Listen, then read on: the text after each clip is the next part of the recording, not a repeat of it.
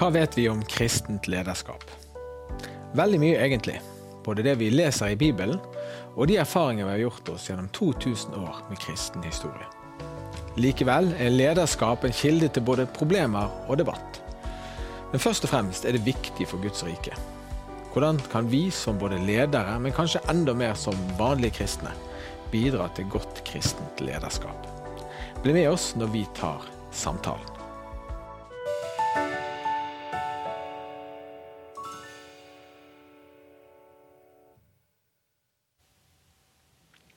Ja, jeg har fått med meg Eivind Algerøy i studio. Velkommen til deg, Eivind. Tusen takk. Du må fortelle hva du jobber med. Ja, jeg er journalist i avisen Dagen. Uh, ja, det er dagjobben min. ja, og noen drar kanskje kjensel på stemmen din, for du har uh, hatt et prosjekt det siste året som har fått stor utspredelse, og som har engasjert mange. Fortell om hva du har jobbet med. Ja, Siden litt før sommeren i fjor så har jeg arbeidet med podkasten Levende ords vekst og fall. Og det er en podkast som eh, vi har satsa en god del på. Vi ønsket å fortelle historien om eh, Frikirken, eller den karismatiske menigheten Levende Ord, som starta i 1992 og, og, eh, hadde sin krise i 2006. Eh, fortsatte og ble Kredokirken. Men særlig den eh, perioden fra 1992 til 2006 var jo spektakulær. Og da var egentlig utgangspunktet for podkasten at vi ville fortelle den historien. da. Du har sjøl eh, bakgrunn som pastor. Eh, har det spilt inn i måten du har eh, sett på dette og jobbet med det? Det har det nok. For jeg hadde en oppriktig interesse av å forstå både hvorfor Levenor vokste så fort som det gjorde. Opp til 2000-2500, kanskje oppimot 3000 medlemmer. Stort arbeid. Men òg hvorfor det ble problemer og utfordringer. Jeg visste litt ifra å være på sidelinjen. Men eh, jeg var oppriktig interessert, for jeg syns det er interessant å tenke på menighet. Hvorfor det fungerer, hvorfor det ikke fungerer. Så jeg har vært opptatt av problemstillingen eh, før. Jeg har bl.a. drevet en podkast som heter 'Pastoren og journalisten', der vi utforsker litt av det samme. Vi, vi, har levd denne historien begge to fra sidelinjen, for det har liksom vært i vår tid. Eh, og når levende ord vokste, så var jo lederskap en del av forklaringen eh, på at det ble suksess. Altså det var både en teologi rundt det, og en praksis og en tenkning og et språk rundt det som var en del av forklaringen på suksessen. Eh, var det feil, eller var det riktig? Ja, altså, Som journalist så har jo jeg, eh, og det har vært et poeng, det har vært mest opptatt av å fortelle historien prøve å snakke med de som var med, eh, og så formidle det. Men så har jeg òg engasjert meg litt. Vært med og, og, vært litt sånn veileder og tolk og tenkt litt høyt. Eh, så eh, det kan selvfølgelig ha vært eh, ting som var feil helt fra starten av med lederskap. Og måten man profilerte ledere på, og tenkte på om lederskap.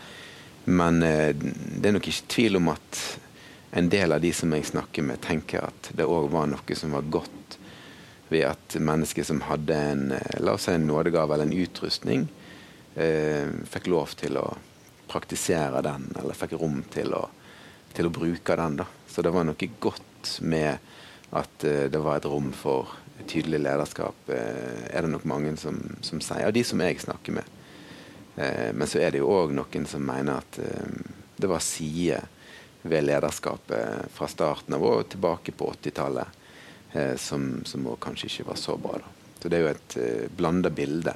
Men samtidig så det, er det ingen tvil om at det som ble skapt og gjort ved Levende Ord, et eh, kjempestort mediearbeid, eh, misjonsarbeid, som var med helt fra begynnelsen av, eh, det ble så stort òg fordi at det var rom for lederskap, tror jeg. da. Altså, ja blir vi eh, eh, Det er kanskje et ledende spørsmål, men når veldig mye avhenger av lederen, lederens visjon, lederens drive, eh, lederens person, blir vi veldig sårbare da for at hvis noe går galt med vedkommende, eller de skjener litt ut til den side, så rammer det hele fellesskapet. Ja, altså, det er jo, Vi ser det jo gang på gang. Vi har historier nå i eh, kristenheten i Vesten som pågår der ledere blir anklaga for, eh, for, å ha gjort ting som ikke er bra. Og, og når man ser at eh, når så masse er bygga på én leder, eller en liten kjerne, så ryker det til når vedkommende ikke har livet på plass. Da. Så det er jo en svakhet, tenker jeg. Men så er det kanskje et større bilde der man òg går glipp av noen gode ting når man ikke har et breit nok lederskap. Altså, hvis man går til Bibelen, så står det jo der om, et, om flere ulike gaver som utfyller hverandre. Eh, og at menighet eh, er tenkt å fungere på den måten. Så det er ikke bare at det kan gå veldig galt, men det kan òg være at vi blir fattigere når én leder får lov til å dominere så masse. Og så er det en opplagt risiko med dette, og det er at eh, når man har prøvd en ledermodell, og det har gått galt, eh, så kaster man barnet ut med badevannet, som vi sier. Så at da blir alt ved det som var, det blir feil. Eh, og så både fornekter man det gode som var, men kanskje også stjeler noe fra, fra nådegaven til å lede. For det er jo noen som er kalt og utrustet til lederskap. ikke sånn? Jeg tror det. Det virker jo sånn at noen har en mer naturlig eh, hang til å lede. Så, eh, og hvis man ikke har lederskap, det ser vi jo, altså det er jo vår eh, universelle menneskelige erfaring. Hvis vi ikke har lederskap, så, så går det jo òg galt. Men eh, så, så, det blir jo en fare for at man kaster ut barnet med badevannet. Eh, I denne podkasten så har jeg på en måte forsøkt å lytte lytta til som, noen av de som sto midt oppi det. Eh, for jeg syns det er interessant å tenke på hva erfaringer har de gjort seg. Eh, hva refleksjoner gjør de i ettertid. Eh, og jeg tenker at helheten av den podkasten og de stemmene forhåpentligvis sier noe om hva som bør med videre, og hva som ikke bør med videre hva som er sunt, og hva som er faresignal som man kan se etter. Da. Ikke at det blir et helt bilde, men at det kanskje gir noen pekepinner. Hva er de viktigste erfaringene du henter ut fra det, hvis du kan si noe om det, fra det du har jobbet med? Altså, ærlighet troner veldig høyt. Eh, ærlighet overfor eh, medarbeidere, og ærlighet eh, i lederskapet. Generelt åpenhet, ærlighet. Evne til å vise sårbarhet. Rom til å vise sårbarhet, kanskje. Eh, da tror jeg er veldig, veldig viktig. Og det er ikke sånn at eh, det er klart, Levenor hadde kanskje en slagside fordi at man kanskje hadde en teologi som Man var påvirka av en teologi der ting skulle gå bra. Eh, helsemessig, økonomisk, Guds rike skulle vokse. Det var en naturlov. Men jeg tror at den eh, manglende ærligheten kan snike seg inn i mange miljø. Jeg tror ikke det er unikt for trosmenigheter eller karismatiske menigheter. For vi mennesker vi eh, tar fort på oss ei maske. Og når man da får en viss anerkjennelse, ansiennitet, så er det vanskelig å ta den av. da. Så jeg tror faktisk at det er noe det som jeg virkelig har eh, tenkt masse på. Åpenhet, ærlighet, rom for spørsmål, rom for kritikk. Så jeg tror kanskje at det er en god plass å begynne da, for veldig mange. veldig interessant, eh, Eivind. Vi skal straks få inn eh, to gjester til. I mellomtiden får du en sannhet fra Linda på Sannings samtalesenter.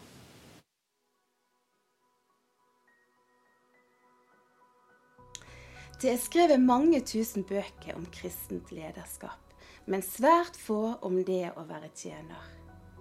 En god leder trenger å ha en tjeners hjerte. Og Jesus er sjøl det beste eksempelet på å være tjener. Jesus snakker om å være et forbilde i det å tjene. Før Jesus ble korsfesta og disiplene diskuterte hvem av de som var den største blant dem, så sa Jesus i Lukas evangeliet. Hvem er størst, han som sitter til bords, eller han som varter opp? Er det ikke han som sitter til bords, men jeg er som en tjener blant dere. Så vasker han disiplenes føtter, og han fortsatte. Jeg har gitt dere et forbilde, for at også dere skal gjøre slik som jeg har gjort mot dere. Kanskje du er en leder, eller kanskje du tenker du skal bli det. Uansett så viser Jesus oss at veien til å være en leder, det går igjennom det å være en tjener.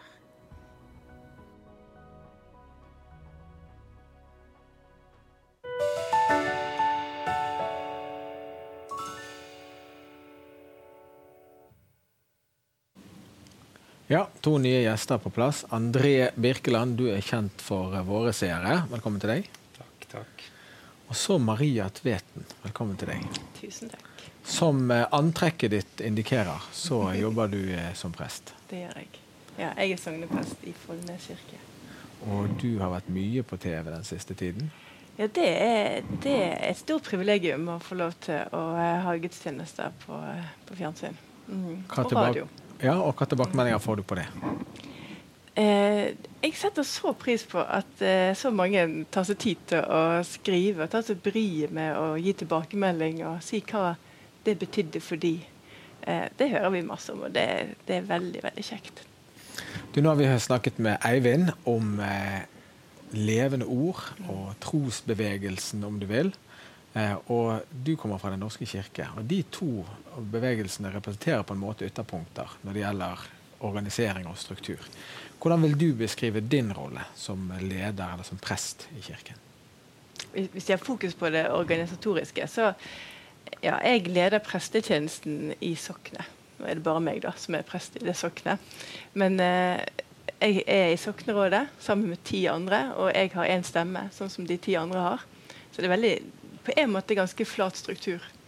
Og så har jeg jo stor frihet. Det er ikke Soknerådet som gir vedtak på hva, hva salmeseddel skal være fra søndag til søndag. Så det er, det er stor frihet i hvordan jeg forvalter det. Men jeg har ansvar for å forvalte ord og sakrament til kristent liv og tro i soknet. Men Hvis du får for deg en dag at eh, Follnes kirke skal starte en kristen friskole i nabobygget, det er ikke så lett for deg? Nei, det er ikke lett for meg. Altså, Den norske kirke er jo et tankskip når det gjelder det å ta avgjørelser og få ting satt i, eh, i systemet. Altså. Det tar lang tid. Ja. Er det en kilde til frustrasjon, eller eh, syns du det er best sånn? Det er jo et godt spørsmål. Eh, jeg er en utålmodig sjel, eh, så jeg syns jo det er frustrerende noen ganger. Og så i ettertid så kan jeg jo kanskje være glad for at det tar litt tid. For kanskje jeg er litt kjapp i avtrekkeren noen ganger òg. André, eh, hva sier Bibelen oss om kristent lederskap? Først og fremst må jeg si jeg kjenner meg igjen i den utålmodige sjelen, som i etterkant kan se at det var bra at det går litt seint av og til. Men Bibelen sier jo først og fremst utrolig mye om lederskap. Det er jo kanskje det jeg blir liksom litt sånn overrasket over når du tar på deg de brillene og leser eller underviser. sånn at det, det er bare fullpakket av lederskap helt fra, fra start til, til slutt, egentlig. Og videre i den uh, oldkirkelige fortellingen. Um, og så er det en fortelling om, om masse bra lederskap og masse dårlig lederskap. Og Det er jo litt kult med Bibelen, synes jeg. At den har på en måte eksempler i, i bredde av, av de, de, det gode lederskapet og de, de, de krevende sidene ved lederskapet og det dårlige lederskapet. Og så viser han at det er vanlige mennesker som får lov til å lede. Eh, selvfølgelig kommer det kall og gaver og tjeneste inn, men likevel så ser vi at det er stort sett ganske så vanlige mennesker som gjør eh, sine feil, og som får lov til å være med og lede. Og Det syns jeg gjør at måte, lederskap i Bibelen viser oss en sånn sunt forhold til lederskap, egentlig som utgangspunkt. Og kanskje kan det nesten være overraskende hvor mye vi har eh, hvor mye vi har feilet i, i, i historiens løp på dette, når Bibelen er såpass eh, tydelig og ærlig på, på hva lederskap er, og hva som er bra lederskap. Og så kommer jo Jesus og viser oss på en måte en, en, en vanvittig vei. Og Det, det synes jeg er kanskje nesten det aller mest spennende. At, og Paulus tar det jo videre, at det, det er så tydelig og så nært. Det er så tydelig og klart, men så kjærlig. Altså Den kombinasjonen i den samtiden må jo ha vært revolusjonerende. Når liksom diktaturer og, eller diktatorer og overmaktende religiøse ledere som på en måte bare kjørte igjennom. Og så kommer man med sånn derre Paul skriver det, De har innledningen til Paulus noen ganger. Det er jo enorm sånn kjærlighet i det. Hvis du liksom, jeg prøver å si til elevene på substans Dette er ikke bare noe han sier. Han mener det, liksom. Det, det Han levde i det. Og så er han samtidig beintydelig. Ja. Det er jo en spennende kombo. Ja. Lærer Bibelen oss noe om hvordan vi som ikke er pastorer eller ledere, hvordan vi skal forholde oss til våre kall det overordnede i menigheten? Jeg kunne vært veldig mer tydelig på det, kanskje. Nei da, jeg tuller. Eh, det er, ja, sier jo noe om det, iallfall i, i praksisen i Nytestamentet og de nytestamentlige brevene, så ser vi at på en måte, i alle fall i forhold til norsk kontekst, så er jo autoriteten veldig stor til lederskapet. Eh, og jeg vet ikke om det er nesten så jeg har følelsen av Paulus må snakke ned litt, fordi at kanskje kulturen vil liksom løfte det så høyt fordi det låser naturlig kulturen. Kanskje står vi i motsatt utfordring i dag, potensielt. Men, eh, men, han sier noe om at det er noen som er satt til det, og respekten i forhold til det.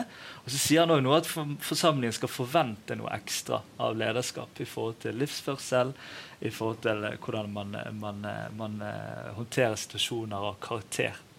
Så det vil jeg si. Men ja, den, den viser jo på en måte på en eller annen måte en avstand, samtidig en nærhet mellom forsamling og lederskap, eh, som er spennende. Du nevner det med kultur. Det syns jeg er kjempeinteressant. Fordi at Bibelen og historien der, det skjedde jo i én kultur, eller i mange kulturer. Hvis du tenker hele det historiske løpet i Bibelen, så har det sine trender og, og fenomener og preg. Vi snakket om levende ord, som egentlig var en import av et lederskap som kom fra en annen kultur, og som var veldig lite norsk. Altså den når Maria snakker om å være sokneprest, og at hun har én stemme, så fremmer hun det som et ideal, nærmest. At ja, at hun, hun, er på like fot med alle de andre. Mens i den eh, amerikanskinspirerte, eller kanskje kommer det fra et annet sted, så er det så er det veldig tydelig hvem som er lederen, og vedkommende er sjefen, og at de andre er etterfølgere. Hvor mye betyr kulturen som vi lever i, for hvordan vi skal forvalte lederskap? Ja, Man har jo utforska litt om den amerikanske kulturen Nå kom jo mye fra òg Sverige med, med, Livets ord, selvfølgelig. Sant? Hvor masse den har henta ifra på en måte forretningslivet, sant? forretningslederen. Og kanskje motsatt, at amerikansk forretningsliv er prega av amerikansk kristenhet. Sant? Men jeg tenker at det handler jo, altså problemet er jo ikke nødvendigvis at det er en tydelig leder. Eller en tydelig sånn For da, altså Paulus innsetter jo ledere i de menighetene rundt forbi. Sant? Problemet er vel hvis altså Utfordringen er hvordan ser den lederen eller det lederskapet på seg sjøl og sin tjeneste. Sant? For at Noen av apostlene ble jo utfordret, ble jo tilbedt forsøksvis. Sant? Men sier nei, nei, nei, ikke tilbe oss. De ville tilbe de som guder, kanskje, sant? og gi dem en autoritet som Men da var de veldig snar med å si nei, den autoriteten vil ikke vi ha. Sant? De viste videre til Gud når, de, når, de, når de fikk for masse oppmerksomhet. Og, og, Det er vel kanskje der det ligger. Hva autoritet tiltar lederen seg, eller pastoren seg? Hvordan ser man på sin rolle? Når det blir for stort, eller når det blir feil, det er kanskje der det knekker litt, eller blir utfordrende. Så, så, lederskap kan sikkert se ulikt ut, tenker jeg, og likevel være greit og sunt. Så det er kanskje det som ligger under. Verdiene, hvordan man, hva rolle man har i fellesskapet osv. Der det virkelig eh, kan bli farlig, eller kan bli interessant da, å utforske. Maria, vi snakket litt om det før eh, sendingen her, at eh, noen ting har noen, eh, Noe av lederskapsrollen knyttes til eh, embetet, eh, eller rollen. Men det er så mye annet som bestemmer hvilken innflytelse man har. Og det å være leder handler jo om at noen skal følge. Mm. Eh, hva er det som gir deg innflytelse over menneskers liv i din jobb? Der, og det snakket vi òg om at der har det skjedd på en måte en sånn glidning historisk sett. Da, fra at uh, autoriteten før var på institusjonen, kirken, uh, myndigheten. Og så kanskje ble det eh, faget. Altså, du var, hadde en utdannelse, det har jeg jo ennå, men eh, at det var eh, fagpersonen som ga autoritet. Mens nå er det nok mye mer eh, relasjonelt i hele samfunnet. Eh, og det ser vi jo på politikere. Det blir inn og så blir med på sånn realityshow fordi du føler, føler, du får en relasjon. Og de blir populære. og så er det det som skaper tilliten, kanskje mer enn politikken. Eh, og det er jo en sånn eh, ting som vi må ha med oss i vår lederrolle. Hva er det som gir oss autoritet, eh, og hva vi tror mot publikum? Eller er det det vi skal lede folk til? Ja, for Der kan det jo være en fristelse i at man blir så opptatt av å please sitt publikum. Og Særlig for en skal forkynne ordet. Det er jo evangeliet. Det er jo budskapet som skal være med og sette standarden. Har du kjent på det? Ja, det, det, og det kjemper vi jo på en måte med hver søndag. Hva er det, hva er dette eh, sier til oss i dag, i vår tid? Eh, men så tror jo jeg at evangeliet er til, til, eh, til frihet. Og det betyr òg at noen ganger så må vi forandre retning fordi at eh, frihet krever det. Vi må løse oss fra det som binder oss fast. Og det er av og til noe som vi må legge bak oss og be om tilgivelse for. Du André, kommer fra en pinsevennsammenheng. Eh, når du hører på disse to og tenker på dine egne erfaringer, ja. eh, hvordan er det å være leder i den sammenhengen du kommer fra? Ja, Man føler jo på en måte at man står litt sånn midt imellom. da. Nå representerer jo ikke du eh, trosbevegelsen og kanskje det vi har stått i pastoralt litt nærmere. Men allikevel så er det en opplevelse av å stå kanskje litt midt imellom. Og så er det, jeg, jeg, har sagt det noen ganger, at noen ganger har det nok vært vanskelig i liksom frikirkelig pinsekarismatisk sammenheng å lede i kjølvannet av f.eks. historien om levende ord. Sant? Fordi at det var så mye bra òg som skjedde pga. den ledermodellen og den måten å kunne ta beslutninger på og kunne gå fram på den måten. Så man har sett at liksom, når jeg kom inn i pastortjenesten, så var det jo veldig sånn på en måte eh, Rommet for å gjøre endring, skape noe, gjøre noe, gjennomføre noe, gå foran veldig liksom inne. Og jeg, jeg kjempet mye med at jeg syntes det var litt trangt i starten. Hvorfor kan ikke jeg få lov til, og hvorfor må alle mene noe? og litt alle, For i pinse er jo, jo kanskje nesten noe nærmere på en måte dette litt sånn demokratiet som blir veldig sant, og menighetsmøter og disse tingene. Eh, samtidig som med årene kan jeg kjenne litt på at jeg er takknemlig for den tryggheten og det tilsynet det gir. da. Så for meg så ender det faktisk tilbake til en slags sånn det bunner i tillit. da. Altså I modellen din da, eh, Maria, så kan jo du få gjort veldig mye hvis tilliten er stor til deg. Og Det opplever jeg for nå i Sien Blomstad. En, en, enorm tillit til, til, mitt lederskap og vårt lederskap som gjør at på en måte, rommet for det å gjøre noe veldig stort. Eh, og så må den tilliten opparbeides. Det er ofte i det relasjonelle, men det viser jo òg over tid. tenker jeg. Eh, og så handler det om at jeg holdt på å si, viser meg tilliten verdig ved å f.eks. òg legge meg flat. Eller, eh, eller liksom eh, erkjenne når man gikk litt for raskt fram. eller noe.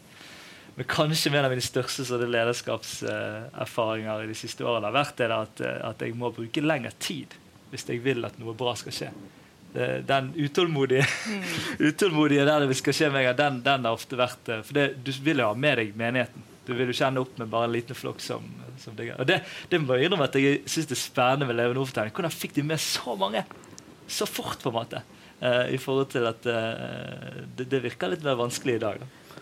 Når du uh, nevnte levende ord og, og, hvilke mest verdifulle lærdommer du tok ut av det, så handlet det kanskje litt om det som André snakker om. Ikke om teologien, ikke om visjonen og ikke om personen, men om ærlighet. og det er gjenkjennelig når André snakker om det. Han snakker om å legge seg flat og erkjenne feil. Det trenger vi kanskje. Ja, jeg tror det. Ehm, jeg tror det. Og jeg eh, ble intervjua av BA, Bergensavisen her i Bergen, om podkasten. Ehm, og de var litt fascinert, veldig fin journalist, veldig, litt fascinert over at en kristen avis var interessert i å snakke om kristne som gjorde feil. Eh, og for meg er jo det et artig og, og bra spørsmål. Men det er veldig lett å finne det bibelske mandatet for å snakke ærlig om både egen, egne og andres feil. På en åpen måte, selvfølgelig. da. Jeg tenker at det er Hvorfor har Bibelen om igjen og om igjen og om igjen autoriteter som feiler? Det må jo være en grunn til at det kommer med, hvis vi tror at Bibelen er Guds inspirerte ord. Så, så jeg tenker at Bibelen gir oss et eksempel eh, gang på gang på gang på det der ok, du, Jo mer makt, jo mer innflytelse du har, jo viktigere er det at noen står på sida av deg, gjerne over deg òg i en tilsynsordning, og får lov til å si Du, du eh, Er du i ferd med å bli hovmodig? Er du i ferd med å bli stolt? Er det noe i livet ditt som skjer som ikke er sunt? Og Poenget må jo være at hvis vi har gudsfrykt, det snakker vi ofte om sant? Hvis vi har gudsfrykt, så må jo det være gull hvis noen i tide rekker å si du, nå må du passe på her. For Gud ser deg jo uansett. Det er jo det vi tror på. Sånn. Så jeg tenker at i kristne sammenhenger så må det være um, så stor åpenhet for ærlighet, intervensjon, hvis vi kan si, bruke det ordet. altså det å ta tak i en person og si det. Det står jo i Bibelen òg. Vise til rette. Ta, ta den til side. Prat sammen. Ok, Samle en liten vennegjeng. Prat sammen. Så jeg tror det er kjempeviktig. Eh. Og så er dette med ærlighet med seg sjøl. Den veien òg. For det er jo ofte den der vi kan godt men det der å, å tørre å orke å være ærlig med seg sjøl, og de slagsidene man potensielt har, da, og de grensene man òg har noen ganger i forhold til, det, det, det, å bli venn med det, på en måte, at det er en del av lederskap, og oppdage at Oi, nå, André, nå, du litt, nå gikk du litt langt her. Eller nå, nå bruker du kommunikasjon på en litt manipulerende måte. Eller, altså Det å tørre å se innover og leve i det med en ånd som kan avsløre det, det har jeg liksom funnet liksom nesten glede i å bli venn med. Ok, Det er en del av det å være leder. Det er en del av mitt ansvar i lederskap. Og så har en kone som er veldig god på å si ifra. Og så har man et lederskap rundt òg. Og så må jo ikke være miste frimodighet av det. Det, det, er kanskje der jeg opplever at det noen ganger har blitt litt voldsomt mot ledere. Sant? Og vi skal liksom ta disse gradene. Kanskje må vi finne liksom bedre ordninger i det. For meg er det veldig grunn... Ja, nå skulle du si noe. Ja, For meg er det veldig grunnleggende at, det, at vi som ledere er mennesker. Vi skal peke på Jesus fordi vi trenger Jesus. Ja. Og det er jo fordi at vi faller og vi faller og vi faller. Sant? Og så eh, er ikke det, det er ikke et mål i seg sjøl. Vi må liksom kjempe mot det. Luther sier vi er innkrøkt i oss sjøl. Og, og det er på en måte å ta den, som du sier, André, ta den samtalen med seg sjøl. For jeg er innkrøkt. Jeg tenker på meg sjøl. Jeg eh, tenker på meg og mine. Hva er best for meg? Og det er en del av meg. Og det må jeg hele veien kjempe mot. Eh, og noen ganger faller jeg trenger Jesus, jeg òg. Og det må jo menigheten se. Og hvis de bygger tillit på meg og bare meg, og, og det blir det, Jeg kan jo skygge for Jesus. Og det må jeg passe meg for hele veien. At det er Jesus de, de, de ser på. Bibelen har jo to eh, karer som eh, begge var kalt og salvet av Gud. Saul og David. Og Vi tenker veldig forskjellig om dem. Eh, begge gjorde store ting i sin tid, men David var en mann etter Guds hjerte. Det var han som sa 'kast meg ikke bort fra ditt åsyn'. Eh, ta ikke Den hellige ånd fra meg, når han kjente at han hadde syndet. Og Der er kanskje noe av hemmeligheten. Ydmykheten, ærligheten. det som vi snakker om. Du, denne samtalen er spennende, og vi fortsetter. Du hjemme skal få litt reklame for noe viktig som du kan være med på. Hei. Vi håper du koser deg med programmet. Kan vi få spørre deg om å gjøre oss en liten tjeneste? Vi prøver å finne ut hvor mange som ser på programmene våre. Og for å finne det ut, så trenger vi litt hjelp av deg der hjemme. Og hvis du vil hjelpe oss, er du med i en spennende trekning. Hør bare her. Hvis du ser på noen av programmene våre, litt eller mye, så ber vi om at du vil sende oss en SMS med kodeord 'hei' til 1930.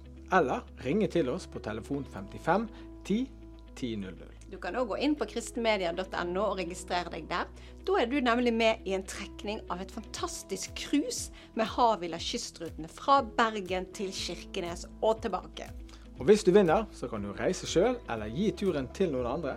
Det er i så fall litt av en gave. Turen går med utvendig lugar på et av de fantastiske nye skipene til Havila, og har en verdi på 23 000 kroner og vi trekker vinneren på direkten i vår sending 6.6. Du kan enten sende oss en SMS, ringe oss eller registrere deg inne på kristenmedia.no, og du trenger bare gjøre det én gang. Og hvis du gjør en av de tingene, så er du samtidig med i trekningen av den fine turen langs norskekysten. Vi vil så gjerne vite at du er der ute. Hvor mange er det egentlig som ser på programmene våre? Og For å finne ut av dette, så drar vi altså i gang denne trekningen for å høre fra deg. Det koster selvfølgelig ingenting å være med, og vi gjør det så enkelt som vi kan for deg. Alt du trenger å gjøre, er enten å sende oss en SMS med kodeord 'hei' til 1930, eller ringe til oss på 5510 1000, eller gå inn på kristenmedia.no. Vi gleder oss til å høre ifra deg. Kos deg videre med programmet. Sammen med kristne fra 100 nasjoner samles vi igjen til Ikais løvehyttefest i Jerusalem denne høsten. Dette blir en opplevelse for livet hvor vi hyller kongenes konge i hans egen by, og viser jødene at de har kristne venner over hele verden. Marius Svigert med team blir med og leder lovsangen i Jerusalem. Reiseledere blir Ingunn og Dag Øyvind Juliussen, Linn og Kjell Martin Myhr, Linda og Bjarte Ystebø.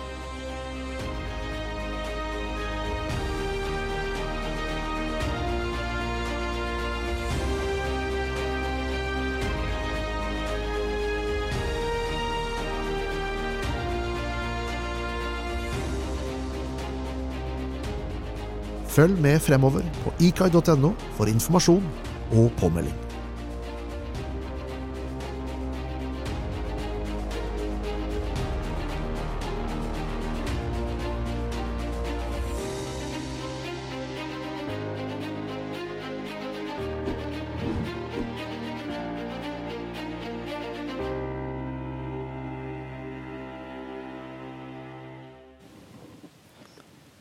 Du er hjertelig velkommen til å være med oss til Israel. Det blir fantastiske dager der nede på tur sammen. Maria, det er noen som har omskrevet eh, Fader vår litt satirisk og sagt 'frist meg ikke inn i ledelse'. Hvordan er det med rekrutteringen til prestestillinger i Den norske kirke? Det er jo litt krise, rett og slett. Vi har prestemangel nå. Og eh, I bispedømmet vårt bjørgen Bjørgvin bispedømme, så var det utlyst eh, 27 stillinger i fjor og 37 søkere. Som betyr at noen av de har søkt på flere stillinger. At det er bare rett over én søker på, i snitt på hver stilling. Og det er, det er krise. Eh, for det er jo ikke alle stillinger som har søkere i det hele tatt. Det skulle være attraktivt geografisk eh, her på Vestlandet og sånt, og eh, det er jo tross alt det fineste stedet i verden. Men likevel, hvorfor tror du det er færre som vil bli prest nå? Kanskje det har litt med det vi snakket om tidligere, at presterollen har forandret seg veldig. Eh, nå skal du hele veien jobbe for å ha den tilliten. Det er en relasjonell ledelse. Eh, du har ikke den autoriteten automatisk som du har. Så du skal på en måte jobbe på en helt annen måte enn det du gjorde før. Eh, jeg tror at det ligger noe der. da, eh, At mange ser at dette er, det er mye arbeid. Kan det være det at veien er lang gjennom et langt studium eksempel, som gjør at noen som kanskje hadde egnet seg som prest, aldri kommer i betraktning, eller ikke kan søke fordi de ikke har utdannelsen? At det kunne vært annerledes? Det er jo noe som heter profetveien i kirken. Ja, den, ikke, den, ja, den har vært lenge, men nå har det jo faktisk blitt litt sånn at du òg kan ta eh, erfaringsbasert master. Det er jo en av løsningene som Kirken har kommet med på dette problemet. Du trenger ikke lenger ha det her lange kanteo-løpet, men du kan òg ta erfaringsbasert master. Syns du det er bra? Du som har gått Ja. det lange løpet? Du er for det. Ja, jeg er for. Mm, veldig for det. Jeg, har mange gode kollegaer som har gått akkurat den veien. Mm, jeg er veldig takknemlig for dem. Det kan bli prest du også i Den norske kirke. Ja. Hører du det? Du kan bare gå profetveien. Ja, det, det, jeg vet iallfall at jeg har sikret jobb i framtiden, har jeg skjønt. da, For det, eh, der er det nok å jobbe. Er Men er eh, det det? er ikke så veldig annerledes. Eller vi snakker iallfall veldig mye i pinserørsla om hvordan, hvordan ser å bygge opp nye ledere. Der òg er det mange lokale små pinsemenigheter rundt omkring i landet som ikke har pastorer, som ikke har uh, kandidater til, til jobben. Så her er det jo noe som på en måte har gått feil i måten å kanskje snakke om lederskap på. At det har blitt for, for få. Eller òg kanskje har det vært erfaring av at det er litt sånn frist meg ikke inn i ledelse, at det har vært så mange erfaringer at det er vanskelig og tøft, og nesten et språk om jeg er takknemlig for at jeg slipper. Du, du som pastor tar byrden vi alle andre slipper å ha. da. Uh, så når jeg for jobber på bibelskole, har vært en av mine viktigste på en måte, stemmen for å snakke opp det å leve i kristen tjeneste, da, og hvor flott det kan være. Og kanskje ikke minst modellere at det går an å ha det bra i det. Jeg husker faktisk første året etter jeg var odelspastor i ett år i Pinsekirken Tabernakelet, så sa jeg til Gud jeg fortsetter ikke hvis det, dette er å være i pastoraltjeneste. For da var jeg så sliten, og det var så mye greier. Og sa at han, du må gjøre det bedre for meg. Jeg må ha det bedre hvis jeg skal kunne stå i det. Og nå, så, ti år etterpå, så står jeg der fortsatt. Eh, men, men det er kanskje der og noe vi må gjøre for å gjøre det bedre og lettere. Det fins noe med eh, mandat, det finnes noe med stillingsinstrukser, tydeliggjøring. Hva er det man faktisk har ansvar for? Pinsebevegelsen har gjort en masteroppgave nå på pastorrollen, som er helt den jo, den skulle jo være alt. Altså, du skulle jo både være spesial, spesialpsykolog og sjelesørger og, og, ikke minst liksom, kommunikatorer ute av rang. Alle disse elementene i én person. Ja, her må man kanskje begynne å løfte fram bredden av lederskap, bredden av, av mennesker, og tilgjengeliggjøre mye mer. Eh, det tror jeg virkelig. For dette, det kommer ikke til å bli mindre med årene, dette behovet. Forhåpentligvis skal det vokse til masse nye menigheter. og ja, jeg har jo tenkt på det av og til når jeg ser på disse her kravspesifikasjonene til, til, pastorer. At Hvis jeg hadde hatt alle de kvalifikasjonene der, så hadde jeg kanskje heller søkt jobb som generaldirektør i Hydro. Eh, fordi at det er en sånn enorm bredde i kompetanse som, eh, som gjennes. Men hvis det sitter noen der hjemme og har et pastorkall, eh, hva sier du til de? Og, da, og det er dette kallet. Det må jo ikke miste den, altså den det begrepet jeg, jeg, prøvde å finne andre begreper på det en stund, for jeg var redd for at en generasjon var vaksinert mot det hjertesaker liksom, alle ting. Men så har jeg funnet ut nei, jeg må bare hjelpe dem til å forstå det innholdet. hva vil det si? At Hvis Gud har lagt på ditt hjerte at du skal stå i tjeneste eller stå i lederskap, da er det virkelig noe å få lov til å forvalte det. Altså. At det er det beste livet å forstå i det, selv om det òg er utrolig krevende. da, å stå i. Så hvis det sitter noen hjemme der, da må de, da må de eh, gå på det. Det er jo det kallet er skapt til, uh, og er til for. Å gå på det. Og så kan jo det se så forskjellig ut. Jeg trodde jeg skulle være kristen organisasjonsleder da jeg studerte. Jeg var også engasjert i kristent organisasjonsarbeid. Uh, og så ble det etter hvert på veien, så finner man, uh, finner man veien.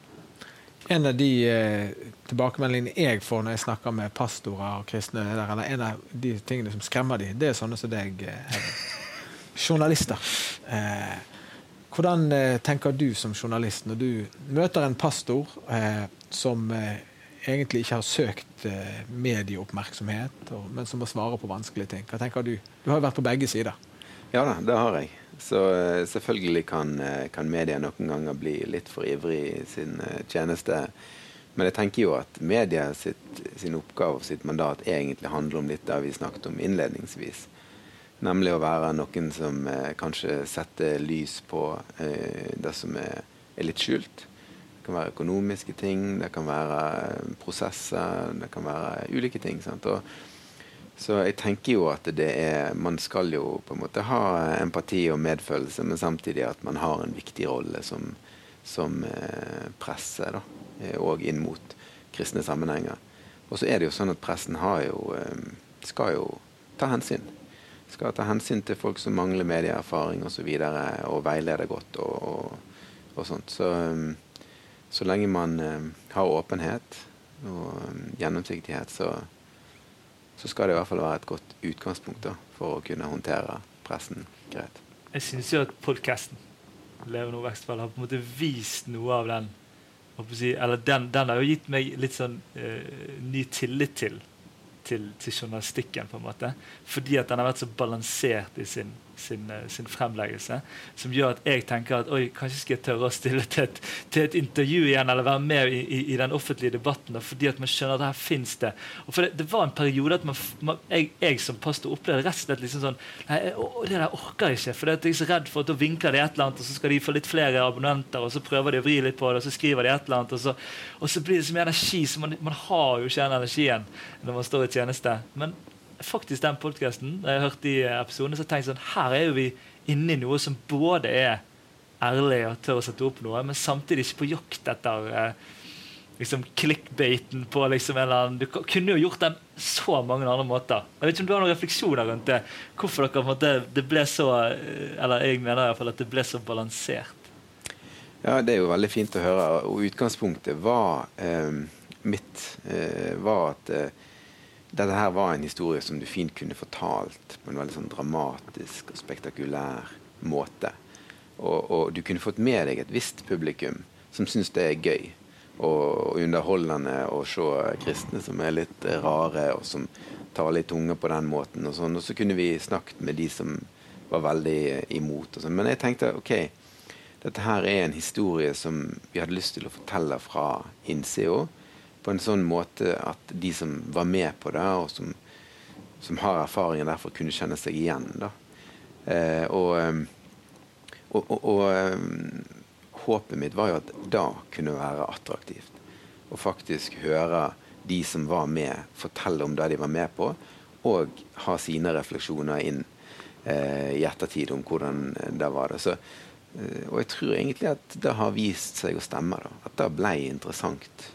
Eh, og, og, det gjorde òg at mennesker som kanskje fortsatt er glad i Levenor og er med i lignende menigheter, mm, syns dette var fint å høre på. Så um, det, var, det, var, en teori da, om at det kunne la seg gjøre å fortelle historien på en sånn måte. Og jeg tenker at vi, eh, vi viste at det var mulig. da. Så er jo eh, medielandskapet litt sånn nå i det fram, Vi famler oss jo litt fram på hvordan å nå ut. Sant? Hvis du går eh, ti år tilbake, så kunne du bare skrive i aviser, så måtte folk lese det som sto i aviser. Eh, det er jo ikke sånn nå. Nå skal du nå gjennom på eh, dagen.no sin front med, med en liten tittel, og så skal du få folk til å klikke seg inn på den. Sånn. Så eh, det handler jo litt om at vi må være flinke til ikke å, å gå for langt i sånn clickbait. Så handler det jo litt om at leseren må være flink til å interessere seg for litt mer enn det som akkurat er veldig sånn klikkbart. Sånn. Eh, så det er en litt sånn tid med omveltning i pressen. Det er jo det. Ja, det er tid for å legge litt ansvar tilbake på leseren òg. Det liker jeg litt at du sier, for vi har ansvar for det, vi som sitter og, og er inne på, på, disse sidene. Og, og du ikke bare følger disse her. Så da skaper vi på en måte vår egen framtid med det. Ja, altså det, det, det, er, jo kanskje litt sånn frimodig å si, men, men, samtidig så er det jo ikke helt feil heller. For altså vi, hvis vi skriver om misjon, hvis vi skriver om Israel, hvis vi skriver om disse tingene som dagen egentlig har vært veldig knytta opp mot, og kristen presse har vært veldig knyttet opp mot, så er det ikke nødvendigvis sånn at uh, våre lesere klikker seg inn på de sakene. altså. Uh, Sannheten er vel egentlig at hvis det er konflikt, kjendiseri, persondramatikk, det er da de klikker. Ja, det er jo det. Men jeg kjenner meg igjen. for jeg, når jeg skulle, når jeg stod, lurte på om jeg skulle søke sogneprestillingen i Follene kirke, så var av tingene, en av de tingene jeg snakket med prosten om da, var eh, men jeg vet ikke om jeg vil det, for da må jeg intervjues i avisen. Og så, dette skal vi ordne. dette skal Vi ordne. Så vi, vi, vi ordnet det òg. Det ble en liten notis, og det gikk helt fint. Men så Du har et poeng, Bjarte, at det kan faktisk skremme. Men det viktigste er jo på en måte å få lov til å være i det kallet. Og få lov til å gjøre den jobben. Eh, og det er jeg jeg, for Det må vi snakke om hvor utrolig flott det er å få være kristen leder og få lov til å stå i det kallet og i den tjenesten og lede mennesker til Jesus. Eh, og jeg vil ikke gjøre noe annet. Det, det, er det jeg er kalt til, og jeg er veldig takknemlig for det. Og så, er det, eh, det er et privilegium. Så er det, som i alle ting, så er jo, det er jo ikke sånn at det er noe bein vei. Problemene vil alltid være der, og vi alltid håper sant, at rundt neste sving der er det da er det problemet tilbakelagt, og da begynner livet. Men så er det alltid et nytt problem. Sånn er jo det i alle, alle liv. Mm. Vi har et par minutter igjen. André, veldig kort. Eh, når du er pastor, hva er viktig for deg at forsamlingen, arbeidsgiveren din, legger til rette for? Hva er, hva er du opptatt av? Jeg er veldig opptatt av at jeg eh, kan vite om jeg gjør jobben min. faktisk. At Det har blitt en sånn kjepphest for meg da, med stillingsinstrukser, tydeliggjøring av det. Spesielt hvis man er en større stab. Og det å kjenne på at man liksom, jeg vet, jeg vet at det er dette jeg er satt til å gjøre. Her, dette er mitt, og her har jeg òg mandat til å handle. Til å beslutte, til å gjøre endringer. eller til og sånne ting. Og så er jeg veldig glad for å stå sammen med et større lederskap. Type, vi har lederråd eller eldsteråd. Fordi at det gir det rommet som er ment til å utfordre mine meninger mine personlige kjepphester. Eh, de tingene som står i. Og jeg har gått fra å, å på en måte kjempe mot og kjempe med Eldsterådet i min pastortjeneste fordi at jeg har sett bare hvor mye bedre helhetlig det, det blir. da. Og I menigheten så er det dette med tillit. Eh, ikke blind tillit. Det vil ikke jeg ha, for det, det, tror jeg ikke er bra for meg. Men jeg vil ha den tilliten av at de ønsker å forstå meg når jeg sier noe. De, de prøver å finne ut av hva mente han egentlig hvis det kom litt ut feil. Det har jeg sagt til flere. Kanskje prøv å forstå. For det er så lett å misforstå. Og Hvis jeg skal bruke all tiden min på å si det jeg ikke mener, har jeg ikke, ikke tid igjen til å si det. Vi har jo så korte prekener. Du har i alle fall det jo, Vi har ikke tid. Vi må få lov til å si litt. Og da trenger vi den tilliten. Virkelig, altså. Fra, fra menigheten og fra lederskapet som har satt oss inn. At de må stole på oss. Og Ja, En appell til eh, dere der hjemme som kanskje er i menighet eller sitter i eh, eldsteråd, lederskap. Tenke på eh, det som er viktig også for lederen. Nå får vi en andakt. Hør her.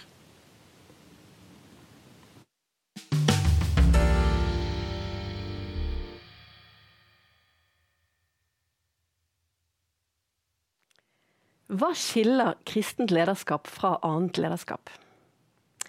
Det er skrevet mye ledelseslitteratur, men jeg tipper at det som jeg skal snakke om nå, står det ikke så mye om. Kanskje ikke i den kristne litteraturen heller. Og det er om ydmykhet. Det som er fundamentalt med vår relasjon med Gud, det er nettopp ydmykhet. Og vi som ledere, vi som skal lede andre mennesker til Gud, vi trenger å være preget av ydmykhet.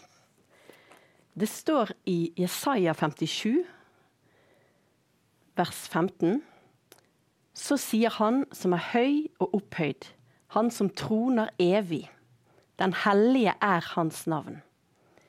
I det høye og hellige bor jeg, og hos den som er knust og nedbøyd i ånden.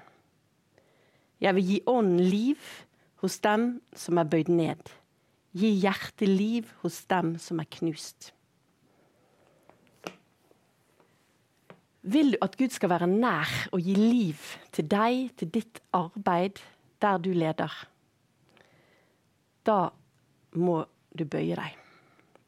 Den stolte opphøyer seg selv. Han sier 'jeg er størst, jeg er viktigst'. Ting skal fungere på min måte. En leder vil alltid ha denne fristelsen. Ha høye tanker om seg selv, være selvsentrert. Og dette blir vanskelig å innse fordi stoltheten gjør oss blind. Og Av og til så kan jeg tenke at alt står bra til i mitt liv. Alt funker, det går på skinner. Jeg har ikke mye å be om tilgivelse for, jeg. Og da vet jeg at jeg har et problem med stolthet. Jeg trenger å ydmyke meg. La meg stille deg noen spørsmål. Ser du ned på den som ikke er like åndelig som deg selv? På den som ikke har samme standard på livsstilen? Er du rask med å finne feil hos andre? Finne feil hos din ektefelle, hos dine ledere? Prøver du å fremstå bedre enn det du er? Er det sånn at folk ville fått sjokk hvis de så hvordan du var hjemme? Har du vanskeligheter for å dele dine svakheter og be om hjelp? Snakker du mye om deg selv? Er du kjapp til å avbryte andre? Når sa du sist 'det var galt av meg', tilgi meg? Jeg tenker vi alle har områder å vokse på her. Men også på dette feltet så reddes vi av en vidunderlig frelser. En som ledet i ydmykhet. Jesus, den allmektige seiersherren, han er vårt forbilde også på dette området. Han søkte ikke sitt eget.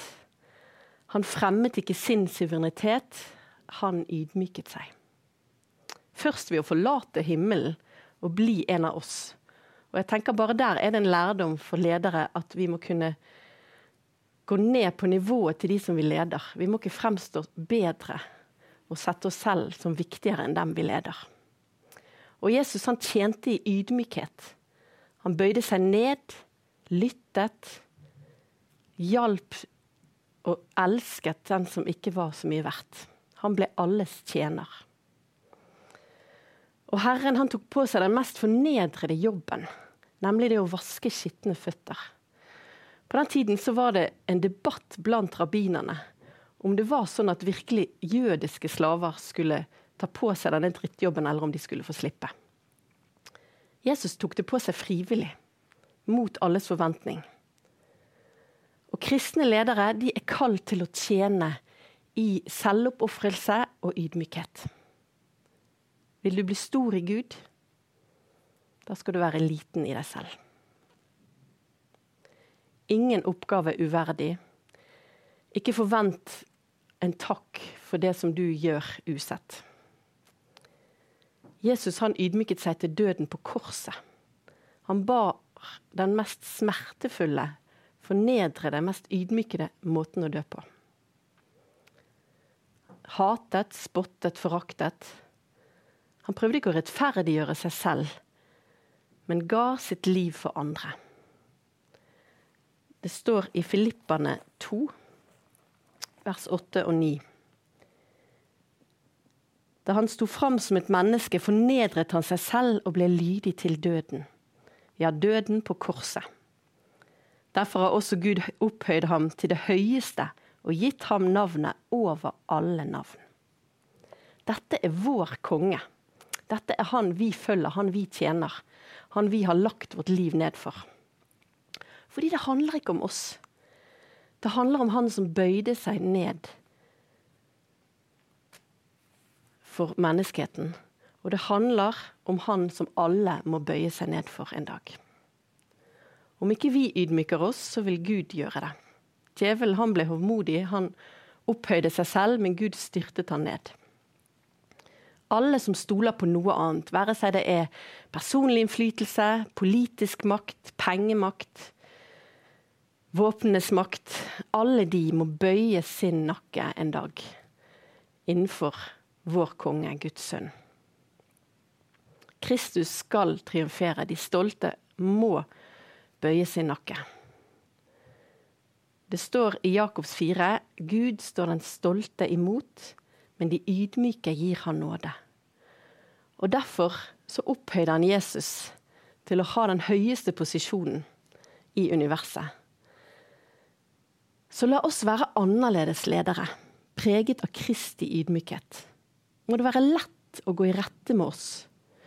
Må vi være små i egne øyne, slik at Kristus kan få mer og mer plass i oss med sin ydmykhet og sin ånd.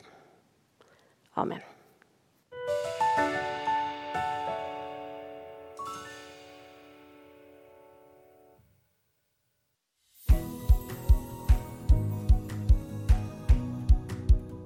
Oslo Symposium er en storstilt feiring av våre kristne verdier og den Gud vi tror på.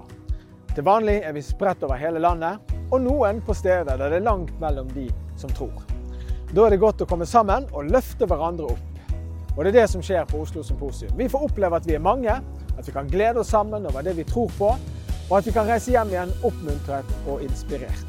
Jeg håper du vil være sammen med oss på Oslo Symposium på Radisson Blue Hotel 18. og 19. august. Gå inn på oslosymposium.no, eller ring oss på 5510 1000, så ses vi i Oslo 18. og 19. august. Jeg gleder meg til å treffe deg der.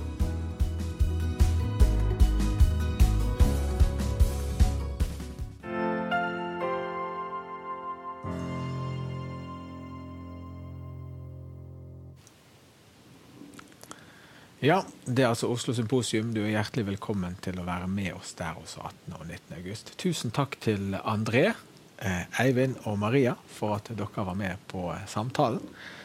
Du der hjemme har jo hørt forskjellige stemmer nå fra eh, både pinsebevegelsen, litt referat fra det som skjer i trosbevegelsen fra Den norske kirke, og så har du fått en andakt fra Ranveig Møller, som er leder på et bedehus. Og det er jo litt fint, for vi er jo en så fargerik bukett i Kristen-Norge. Og dette temaet her, lederskap, det betyr forskjellige ting i forskjellige sammenhenger. Og du har kanskje din lokale eh, menighet der lederskap er noe annet igjen. Jeg tenker Det som vi kan ta med fra dette, her er at det er et privilegium å få lov til å tjene i Guds rike. Uansett om du er leder eller ikke. Og at vi skal heie på våre ledere. Ære de og støtte de og hjelpe de, men også være sanne og ærlige og gode med dem på en måte som er evangeliet verdig. Og så fikk vi noen gode erfaringer fra Eivind eh, om dette med ærlighet, og hva det hadde betydd kanskje i en vanskelig tid. Og hvis du der hjemme står oppi noe vanskelig, så er kanskje det stedet å. Håper vår samtale kan ha startet noen gode samtaler i ditt liv, i din forsamling, det er der du er. Og så gleder vi oss til å være tilbake med en ny samtale her neste torsdag. Jeg ønsker deg alt godt, og på gjensyn.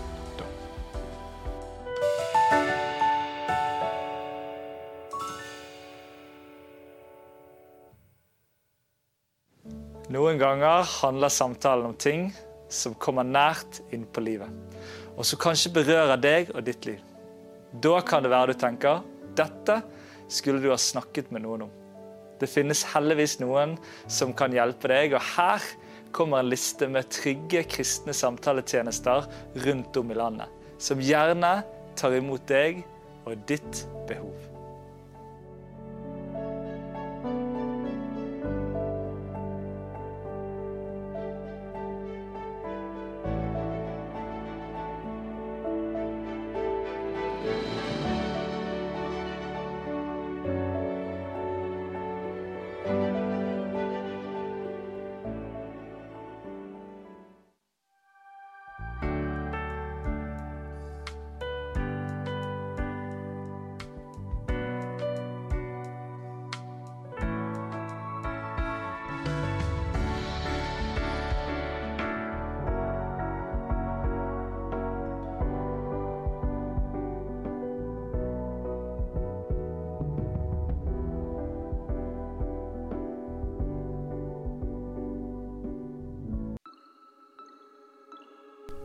Ser du på Live med venner? Det burde du. Da får du servert en time med god stemning og interessante temaer om samfunns- og menighetsliv. Og ikke minst trosstyrkede refleksjoner fra Bibelen. Det hører også med. Du er så velkommen til å henge med oss på tirsdager klokken ti. Live med venner sendes på Facebook, på Kanal 10 og på Bedehuskanalen. Da ses vi på tirsdagene.